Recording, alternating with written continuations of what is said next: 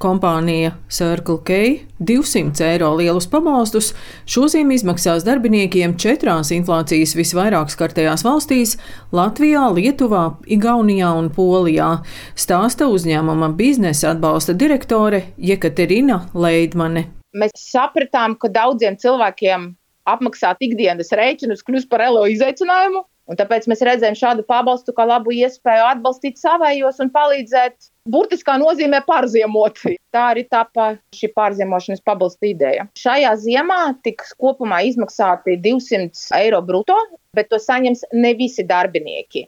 Jo tomēr to, cik ļoti krīze mūs katru ietekmē, ir atkarīgs no ienākumiem. Tāpēc 97% no Circle darbiniekiem saņems to pabalstu bet ir cilvēki, kas ir vadošos amatos vai kur ienākumi ir augstāki par kaut kādu līmeni, tad to nesaņem.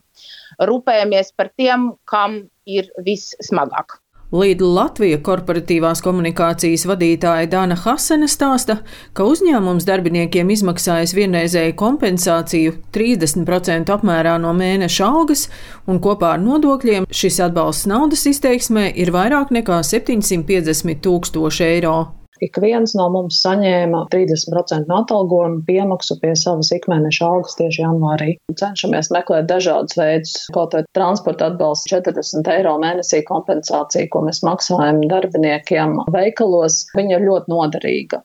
Mēs cenšamies būt fleksibli, jo savādāk šodien nevar. Tev ir jāskatās, kā jūtas tavi darbinieki, un ja mēs vēlamies šos cilvēkus motivēt un veidot to, ka viņiem interesē darbs, vai mums viņa lojalitāti, Tāda šodien citādāk droši vien nevar. Latvijas Tirzniecības rūpniecības kameras valdes loceklis Jānis Lielpēteris vērtē, ka darbiniekiem pabalstus izmaksā galvenokārt lielie uzņēmumi, jo energokrīze, protams, ietekmē arī uzņēmumus īpaši nelielos. Bet LTRK rosina darbiniekiem izmaksāto pabalstu atbrīvot no papildu darba spēka nodokļu sloga.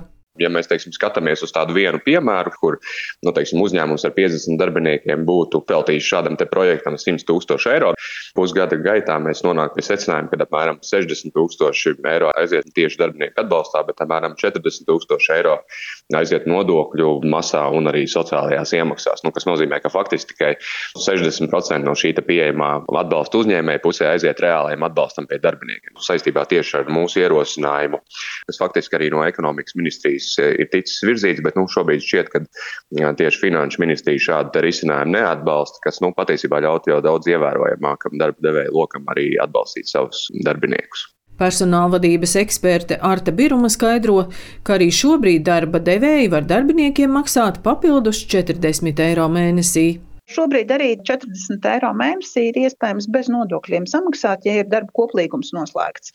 Tas ir 480 eiro gadā. Ir uzņēmumi, kas iet 40 eiro mēnesī, ir uzņēmumi, kas šos 480 eiro sadala uz apkuras sezonu un izmaksā varbūt lielāku to daļu tieši tajā ziemas periodā.